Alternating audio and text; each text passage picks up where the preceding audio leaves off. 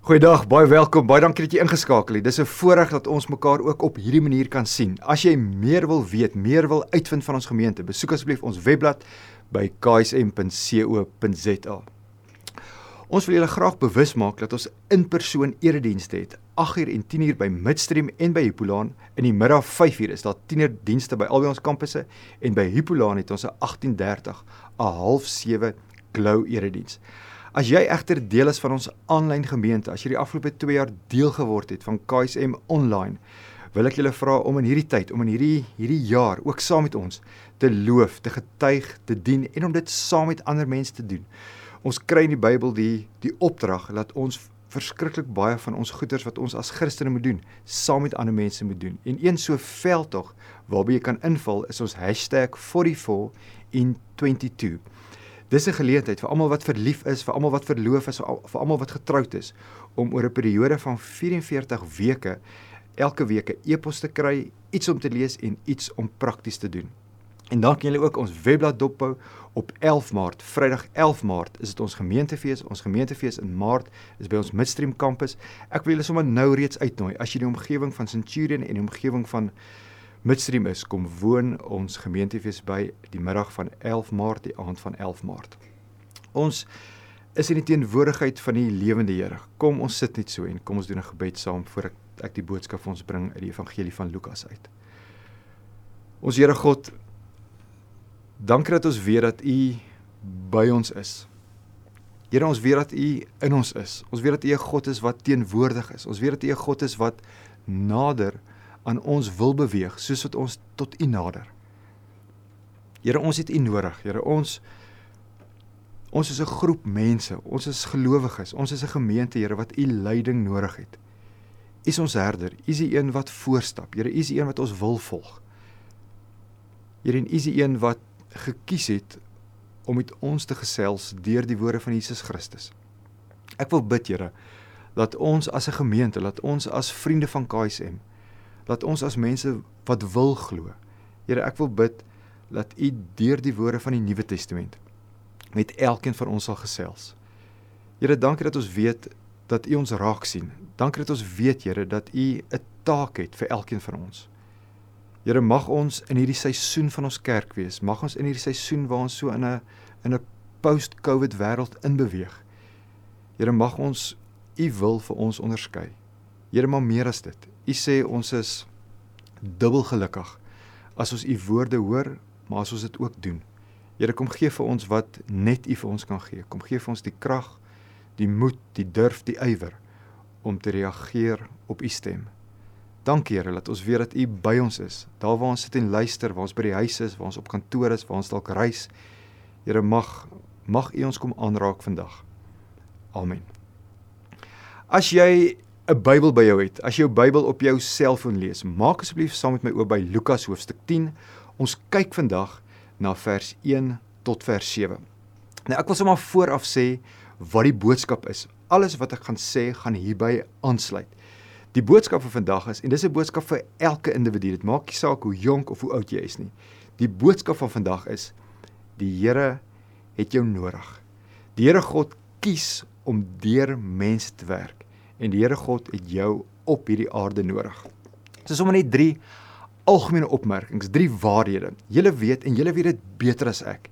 Die lewe is moeilik, die lewe is taaf, die lewe is uitdagend.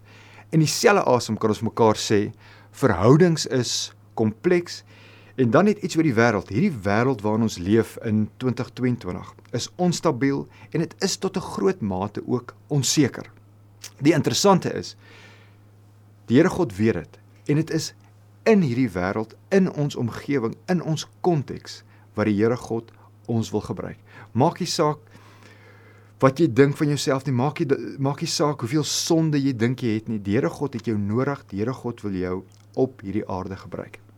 Nou, een van die redes hoekom dit nie altyd verskriklik goed gaan op hierdie aarde nie. Een van die redes hoekom ons nie hoekom ons dikwels nie altyd hemel op aarde beleef nie, is omdat ons as kerk ons as Christene nie aldag reageer op dit wat die Here vir ons sê nie. Ons is baie keer net so 'n bietjie traag. Ons is baie keer so 'n bietjie lui om te doen wat die Here vir ons sê ons moet doen. So ek wil 'n storie vertel. Dis 'n ware verhaal. Dis 'n storie wat ek die eerste keer by Simon Sinek gehoor het. Nou die die lesie van hierdie storie, die the moral of the story, is dat ons baie keer hand in eie boesem moet steek. Baie keer is ons die probleem. So ek vertel vir julle vinnig hierdie storie. Dis 'n storie, is 'n mediese storie. In die 1700s het daar 'n siekte onder die Maas in Europa gemaai. Hierdie siekte het kort voor lank na die VSA na Amerika toe versprei. Hierdie siekte, hierdie koors is die puerperal fever genoem. In gewone Afrikaans in die omgangstaal het hulle gepraat van die swart dood van die kinderbeetjies. Nou, wat het gebeur? Wanneer die maas, wanneer die mammas geboorte geskenk het, het hulle binne 48 uur gesterf. En dit was 'n verskriklike siekte wat oor dekades heen verwoesting gesaai het in Europa en in Amerika. Dit was ook die tyd so net na die renessans, die begin van die moderne era en dit was 'n tyd waar die mense navorsing wou doen en empiriese data was koning. So hulle het alles in hulle vermoë gedoen om te probeer vasstel wat wat maak dat hierdie siekte so versprei. Wat die dokters gedoen het, is hulle sou in die oggende, dis nou dis nou 'n bietjie grim wat ek nou sê, maar ek deel hierdie verhaal met julle. Hulle het in die oggende het hulle lijkskouings uitgevoer want omdat die mamma so binne 2 dae gesterf het, so in die oggende voer hulle lijkskouings uit en dan gaan hulle in die middag na die kraamsale toe. Hulle vang babetjies en nadat hulle babetjies gevang het, gaan doen hulle hulle rondes in die hospitale. En dit doen hulle dag in dag uit, maar hulle kom nie agter die kap van die byl nie. Hulle hulle hulle verstaan hierdie siekte nie. Hulle kry hierdie siekte nie onder beheer nie. Toe begin 'n merkwaardige man, 'n man met die naam Dr. Oliver Wendell Holmes in 1842 sy eie navorsing doen. Hy's 'n student, hy's 'n man wat daar by Harvard geswat het op 'n stadium was hy prof by Harvard. Hy was dekaan van Harvard. Hy was werklik 'n hiperintelligente mens.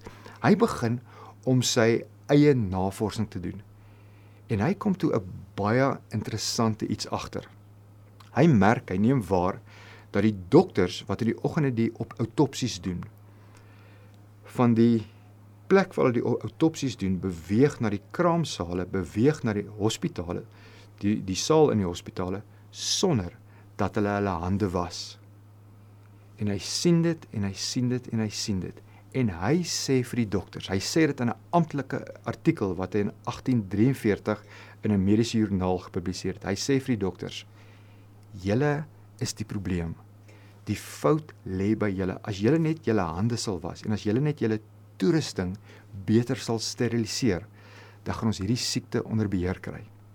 Die gemeente vir vir 30 jaar ignoreer hulle hom. Hulle lag vir hom, hulle sê vir hom hy's hy's van sy kop af.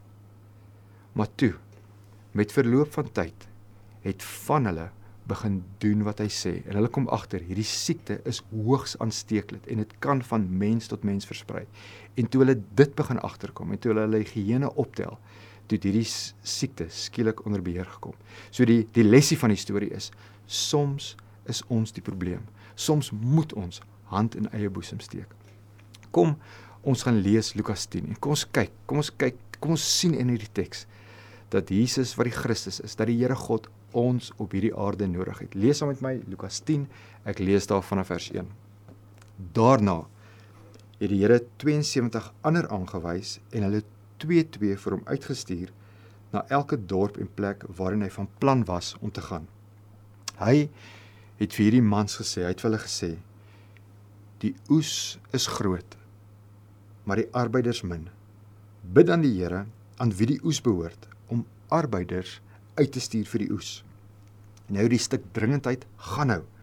Maar onthou ek stuur julle soos lammers tussen wolwe in. Moenie 'n beurs of 'n reisak of skoene saamdra nie en moenie langs die pad met groet ry tyd verkoos nie. As jy in 'n huis kom, moet julle eerste woorde wees: vrede vir hierdie huis. As daar iemand woon, as daar 'n vredelewende mens is, as daar iemand woon vir wie die vrede bestem is, sal die vrede op hom bly so nie sal dit na julle toe terugkom. Moenie van een huis na die ander trek nie, maar bly in dieselfde huis. Eet en drink wat hulle voorhand het, want die arbeider is geregtig op sy loon. Net weer die woorde, die die oes is groot, maar die arbeiders min. En dit bring my by die boodskap van vandag. Die Here God het jou nodig. Gemeente, Kerk sonder mure, vriende van Kerk sonder mure. Van van die begin af het die Here God die hele mensdom in sy vizier gehad. God het 'n saak met almal, met elke mens wat nog ooit geleef het. En ek wil dit gaan haal in Genesis. In die eerste 11 hoofstukke van Genesis lees ons hierdie klomp oerverhale. Maar dis nie baie mooi verhaal nie. Ons lees van Kain wat vir Abel doodmaak en van daar beweeg dit net suidwaarts. Daar's baie geweld, daar's baie bloed. Een volk wil 'n ander volk oorheers, hulle vernietig mekaar. Ons lees in Genesis van die verdorwenheid van die mens. Ons lees dat die Here God op 'n stadium sê man, hy spyt, hy's bedroef dat hy die mens gemaak het. So dit gaan nie goed as ons die eerste paar hoofstukke van Genesis lees, gaan dit nie goed op hierdie aarde nie. Maar dan kom God in Genesis hoofstuk 12 en hy begin oor. Dis asof hy die mens 'n tweede kans gee. En hoeveel van ons kan ook nie getuig dat die Here ons ook 'n tweede kans gegee het nie. Die Here kom gee die mensdom 'n tweede kans deur Abraham. En hy sê vir Abraham, dis hierdie bekende woord. Hy sê vir Abraham, Abraham, trek trek uit jou land uit. Trek weg van jou huis, trek weg van jou familie en gaan na 'n land wat ek vir jou sal aanwys. So hierdie is 'n baie interessante iets wat hier gebeur. Dis 'n baie interessante opdrag wat God aan Abraham gee want in die antieke tyd het die mens 'n sikliese verstaan van die geskiedenis gehad. Hulle het die geskiedenis soos 'n wiel gesien. Wat gebeur het, sal weer gebeur. Wat met my voorouers gebeur het, wat met my pa en my my oupa hulle gebeur het, sal weer met my gebeur. So het maar nie gedink die geskiedenis loop soos 'n wiel.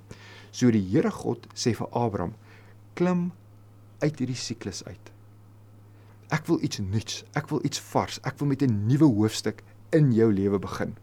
En die Here sê vir Abraham: "Abraham, Ek wil 'n groep mense, ek wil 'n volk, ek wil 'n nasie rondom jou vergader wat in liefde, nie in geweld sal leef nie.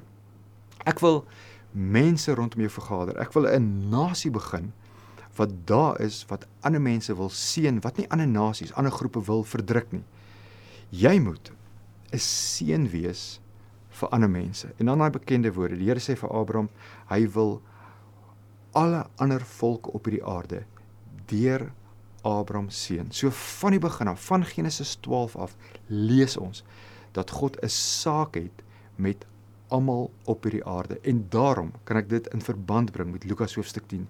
Die die oes is groot, maar die arbeiders min. Ons lees in Psalm 24 ook hierdie hierdie selfde idee dat dat God 'n hart het vir die hele mensdom. Ons lees daarso die aarde en alles wat daarop is, die wêreld en die wat daar woon, alles behoort aan die Here. Met ander woorde, die Here God het 'n het 'n saak met almal wat op hierdie aarde is. Dan dan kom Jesus met dit in gedagte dat die oes groot is en Jesus Christus sê bid dan. Ons kan hierdie woorde vandag vir ons vat. Ons kan dit van toepassing maak op ons hierso in die somer van 2022. Jesus Christus sê ons as sy disippels moet bid. Ons moet bid dat dat die Here God arbeiders sal uitstuur vir sy oes, want dit is nie ons oes nie. En dis die interessante en soveel van ons het dit al beleef. Wanneer ons bid, is ons dikwels die eerste antwoord op ons gebed. Dis 'n frase wat jy waarskynlik al meer as een keer hier by Kerk sonder mure gehoor het. Wanneer ons bid, is ons die eerste antwoord op ons gebed. Wanneer ons vir mense bid wat ver van God is, wanneer ons vir mense bid wat die afgelope tyd kerklos en kerkloos geraak het, is ons dikwels die eerste mense wat die Here stuur. En die Here is amper asof die Here ons uitnooi en ons aanmoedig om by hulle te gaan kuier, om die foon op te tel, om by hulle te gaan koffie drink. So ek en jy, wanneer dit gaan oor die oes wat groot is, is ek en jy dikwels die eerste antwoord op ons gebede. Ons ons almal het 'n storie. As ons bekend was, kan ons so 'n dik boek geskryf het oor dit dit wat die afgelope paar jaar met ons gebeur het. Ons het ons eie stories en dan's daar 'n klomp stories in die Bybel. En wat dikwels gebeur as gelowige, oorvleuel ons stories. Ons stories merge met die stories wat in die Bybel is. God sê vir Abraham: "Abraham, ek wil jou seën sodat jy tot 'n seën kan wees." Hoeveel van ons het die afgelope tyd nie die Here se seën beleef nie? Hoekom seën die Here ons? Hoekom is ons so? Is ons net gelukkig? Is dit net 'n random iets wat met ons gebeur? As kinders van God, as disippels van Jesus Christus, kan ons nie anders as om te sê: Die Here het my geseën. Hoekom? Sodat ek 'n seën kan wees vir die ander mense op hierdie aarde. Die die oes is groot, maar die arbeiders is min. In die kerk sou jy dikwels al die woorde missio dei gehoor het. Dis Latyn vir die missie, die mission van God. Interessant. Dis nie ons as kerk wat 'n missie het nie. Ons dink baie keer ons as kerk is op 'n missie. Nou het ons 'n sendingkommissie of 'n sendingkomitee en ons ondersteun die ouens in Rusland of in China of die mense wat ver sendingwerk doen in 'n in die, in die noorde van Vietnam. Maar dis nie dis nie 100% waar nie. Die paradigma skuif wat in die 1900s in die kerk plaasgevind het, is 'n skuif van die kerk wat 'n missie het tot 'n beter begrip, 'n beter verstaan van wie God is, van wie God in sy drie eenheid is. Die drie enige God, die Vader, Seun en die Heilige Gees het 'n missie. Hulle is op 'n missie en God, die drie enige God, wil ons as kerk gebruik om aan te sluit om deel te neem aan dit waarmee God op hierdie aarde besig is. Met ander woorde, ons as kerk val in en sluit aan by die missie Oudai. Want dit is nie ons missie, dis nie ons missie nie, missie nie. Dit is die Here God se missie die kerk en dis nie ek wil nou nie negatief wees nie, maar julle sal sal sal baie verstaan en baie beleef van dit wat ek nou gesê het. Verlang was die kerk van reg oor die wêreld, die kerk in Europa, die kerk in Amerika, die kerk in Afrika, die kerk in die Ooste, die kerk wêreldwyd was vir baie lank bietjie soos 'n passasiersskip. En mense, gelowiges sou wou gehad het die kerk moes hulle bedien. Want die kerk is 'n is 'n nice plek. Daar's mense wat regtig oulik is. Ons is na binne gekeer. Ons hou van mekaar se geselskap. Maar dis nie wie die kerk is nie. Dis nie hoe God die kerk sien nie. Die kerk, 'n baie beter metafoor vir die kerk is 'n oorlogskip. Op 'n oorlogskip is daar nie 'n enkele persoon wat nie 'n taak het nie, wat nie 'n werk het nie. En dit is wat die kerk is. Elke liewe een van ons, maak nie saak waar jy in die wêreld bly nie, maak nie saak of jy jonk of oud is nie. Elkeen van ons het gawes gekry en ons moet met ons gawes die wêreld dien. Ons moet ons medegelowiges dien en ons moet ook God dien. Dit is wie ons is. As disippels van Jesus Christus kan ons nie anders as om ander mense, God en die wêreld te dien nie. Jesus sê: "Julle julle is die sout vir die aarde en julle is die lig vir die wêreld." Interessant, hy gebruik nie die woordjie moet nie. Hy sê nie julle moet sout wees nie. Hy sê nie julle moet lig wees nie. Hy sê Dit is wie ons is. Ons identiteit lê daarin dat ons sout is, dat ons lig is. Ons het die voorreg om die liefde van Jesus Christus in hierdie wêreld uit te straal. Ons het die die voorreg en die verantwoordelikheid om Christus se liefde na die wêreld toe te weerkaats. Nou dit dit vra van ons iets. Dit vra van ons 'n sensitiwiteit vir ons omgewing. Dit vra vir ons 'n sensitiwiteit vir die nood wat rondom ons is. Dit vra vir ons 'n sensitiwiteit vir die vreemdeling. Dit vra van ons laat ons uit ons gemaksones na die wêreld toe sal beweeg.